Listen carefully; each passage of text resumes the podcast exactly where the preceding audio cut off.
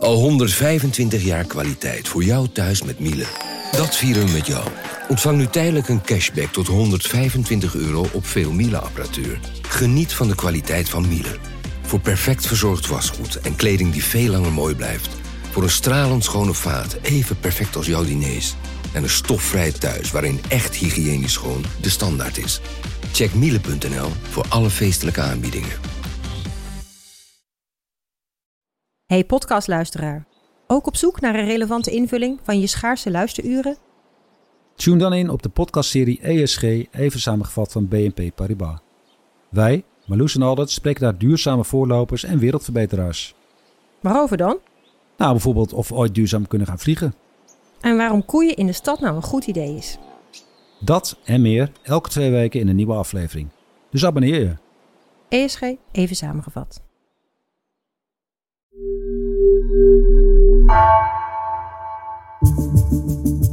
Vanaf de redactie van NRC het verhaal van vandaag.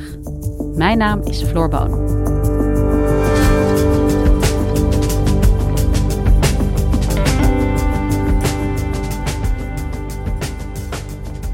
Duitsland heeft de afgelopen 20 jaar een grote afhankelijkheid opgebouwd van Russische energie, gas en olie.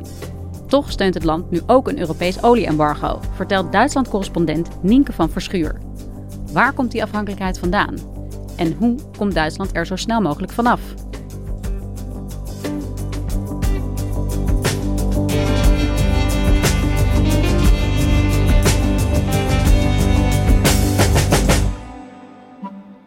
Hey Nienke, we gaan het hebben over hoe Europa onafhankelijk kan worden van Russische olie en gas.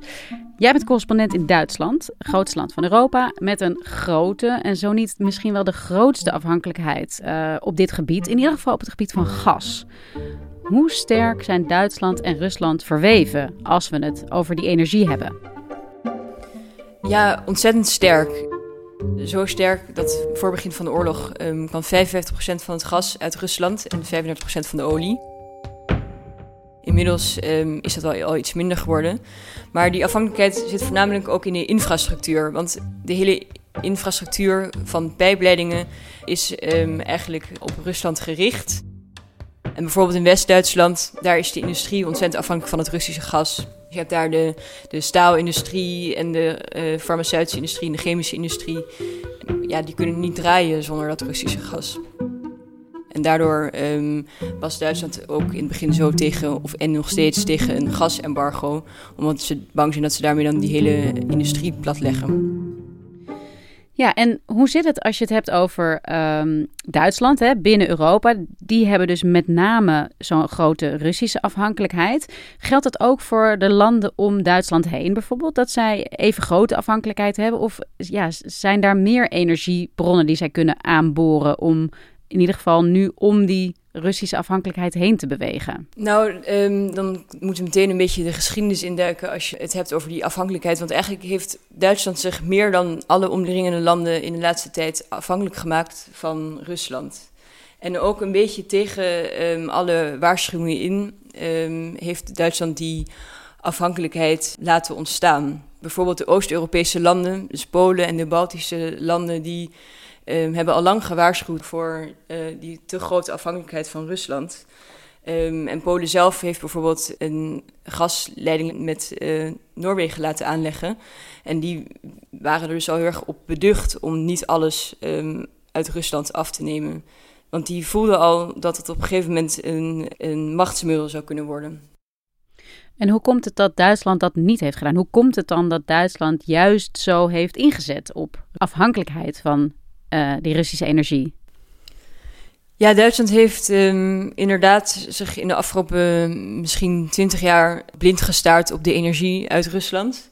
En vanaf de regering van uh, Gerhard Schröder, maar ook al daarvoor, ook al in de jaren zeventig, stelden zich voor dat ze juist door die handel, ze daardoor juist de diplomatieke betrekkingen ook zouden kunnen verbeteren. Dus uh, de, slogan was um, wandel durch handel.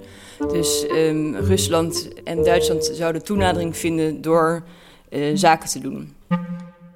En op dat moment was um, Poetin ook nog niet zo lang president in Rusland. En Schröder en Poetin die konden het goed met elkaar vinden. En kort nadat Merkel Schröder had vervangen, kreeg Schreuder een telefoontje uit, uit Moskou met de vraag of Schreuder niet in de toekomst voor een van de Russische energiestaatsconcerns zou willen werken. En um, Schreuder heeft toen ja gezegd en is eigenlijk dus sindsdien, echt sinds een paar maanden na zijn aftreden, is hij in dienst van verschillende Russische staatsconcerns. Afgezien daarvan dat um, Schreuder dus die enorme afhankelijkheid van Duitsland mede is begonnen, is het natuurlijk ook ontzettend pijnlijk voor Duitsland dat er een oud kanselier is die nu wordt betaald uit het Kremlin en ook tot op de dag van vandaag geen afstand heeft genomen van zijn posities. The 8.8 billion euro Nord Stream project was agreed in 2005 by then Russian President Vladimir Putin and then German Chancellor Gerhard Schröder, and both men were on hand to launch the first test flows. Onder Schreuder um, werd dus ook die afspraak gemaakt voor Nord Stream 1. Dus dat is de eerste pijpleiding die van Rusland door de Oostzee direct naar Duitsland loopt. Het voordeel van die pijpleidingen die direct van Rusland naar uh, Duitsland voeren, is dat um, over dat gas geen transmissiekosten hoeven te worden betaald. Je hebt bijvoorbeeld verschillende pijpleidingen uh, door Oekraïne en door Polen. En, um, maar zodra het gas of olie door die pijpleidingen stroomt, moeten er transmissiekosten betaald worden. En maar goed, dat zijn dus inkomsten voor Polen of voor Oekraïne. En die konden zo omzeild worden door pijpleidingen gewoon buitenom te leggen. En Nord Stream 1 werd ook internationaal nog helemaal niet zo kritisch gezien. Dus dat was nog een redelijk onomstreden project. De Nord Stream 1, die was misschien nog niet zo omstreden. Maar jaren later is er nog een directe pijpleiding aangelegd tussen Rusland en Duitsland, de Nord Stream 2. Hoe zit dat precies? Het rare is, is dat voor Nord Stream 2 bovendien is getekend uh, in 2015. Dus dat is uh, nou ja, een jaar na de inname van de Krim door Rusland in 2014.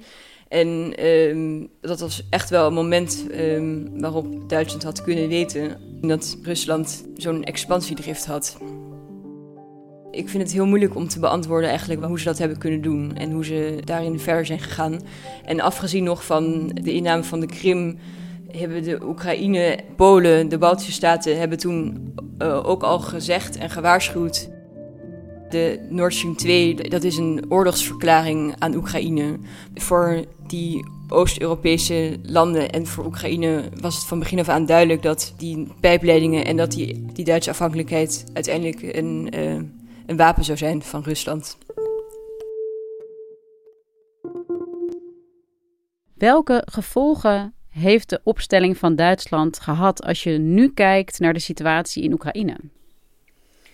Nou ja, dat vind ik een grote vraag. Maar je kunt bijvoorbeeld zeggen dat, behalve dat het nu voor Duitsland een probleem is dat ze nog steeds zoveel gas moeten importeren uit Rusland, is het gewoon heel erg duidelijk dat um, Duitsland in de afgelopen jaren miljarden heeft overgemaakt aan Rusland. En alleen maar om eventjes een idee te geven, in de eerste twee maanden van de oorlog, dus in um, maart en april, heeft Duitsland ongeveer 9,1 miljard aan Rusland betaald voor die energie, dus voor gas, voor olie en voor kolen. Dus het gaat om enorme bedragen die Rusland daarmee ook in, in de bewapening van, van het leger kon stoppen. Dus ze hebben en heel erg veel bijgedragen, financieel zou je kunnen zeggen, aan de opbouw van het Russische leger. Uh, het heeft er ook voor gezorgd dat Oekraïne, maar ook bijvoorbeeld Polen, heel veel geld is misgelopen. Um, ja, het, het, is misschien een beetje op scherp stellen, maar durf jij de stelling aan dat er uh, ja, een lijn, een misschien wel bijna directe lijn loopt van die Duitse aankoop van Russische olie en gas naar de oorlog in Oekraïne? Of gaat dat te ver? Ja, dat zou ik niet zo durven stellen. Maar goed, de landen als Polen en uh, Oekraïne, die hebben, hebben daar altijd wel een link in gezien. In maart um, sprak via een videoverbinding de Oekraïense president Zelensky in de Bondsdag.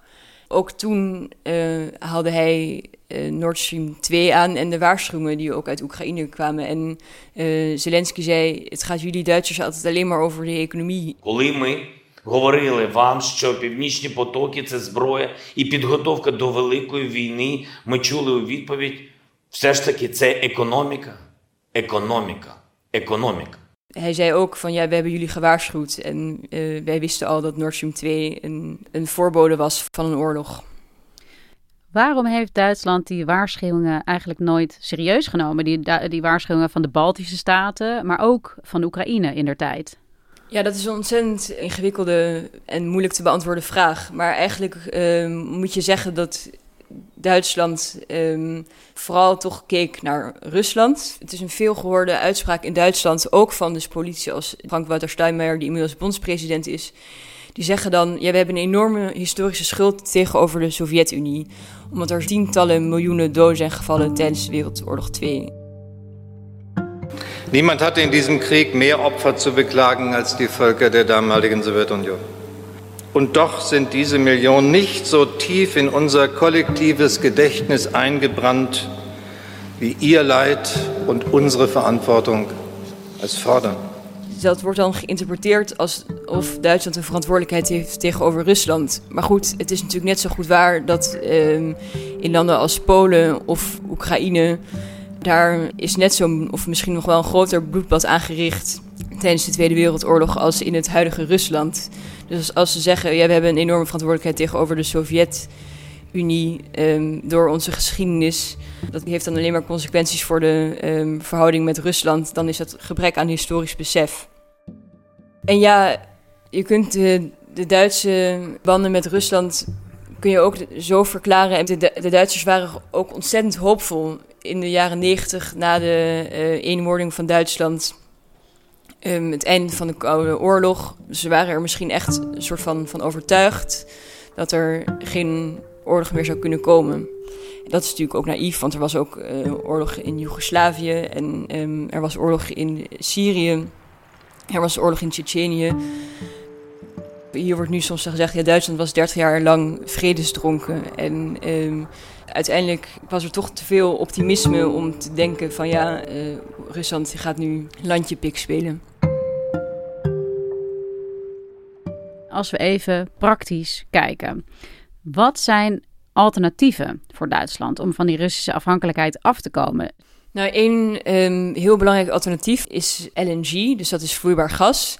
Maar Duitsland had dus tot voor kort nog helemaal ook geen LNG-terminals. Dus dat is een soort um, in de haven een plek waar die uh, schepen met het vloeibare gas kunnen worden afgehandeld. En België en Nederland uh, hebben wel zulke terminals. En um, Duitsland gaat nu ook uh, komend jaar, ik geloof 1 miljard kubieke meter van LNG uit Nederland uh, overnemen. Maar Duitsland zet er dus nu volop in om zulke terminals zelf te bouwen. Robert Habeck, minister van Economie en Klimaat, heeft vorige week de eerste schep gezet in de haven van Willemshaven. En um, ook in de komende tijd willen ze ook vier drijvende terminals uh, in gebruik gaan nemen. Dus die, dat zijn tijdelijke oplossingen. Dat is het allerbelangrijkste alternatief.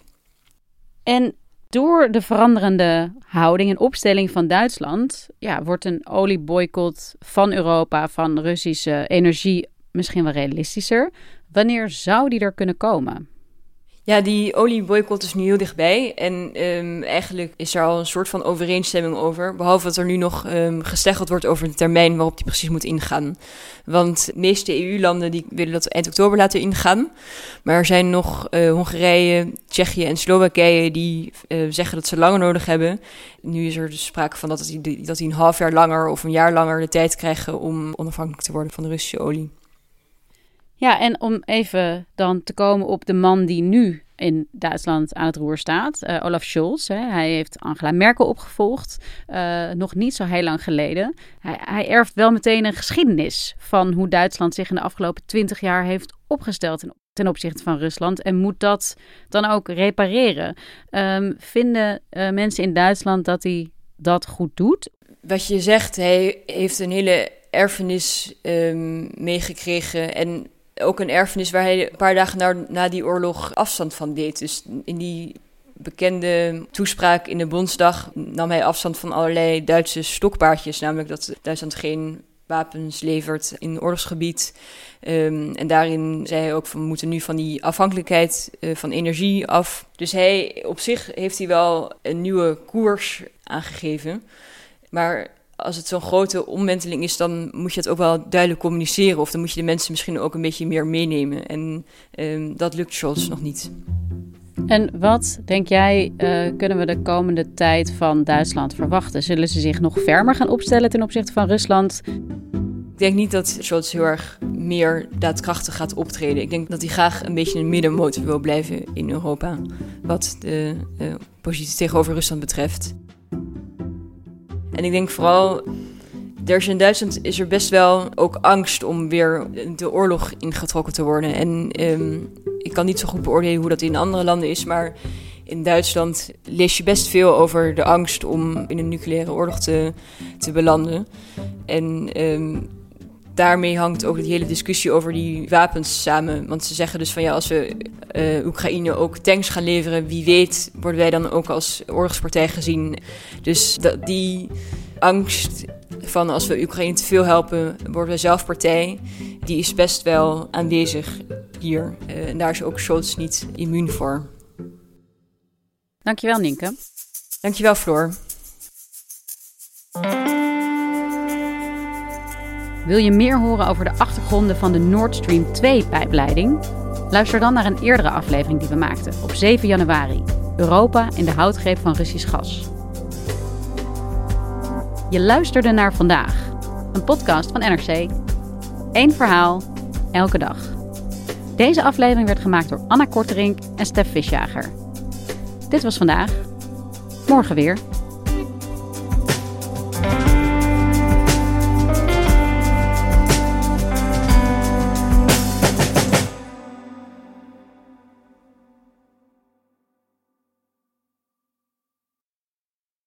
Technologie lijkt tegenwoordig het antwoord op iedere uitdaging. Bij PwC zien we dit anders. Als we de potentie van technologie willen benutten, kunnen we niet zonder een menselijk perspectief. Human-led, tech-powered noemen we dat. Ga naar pwc.nl.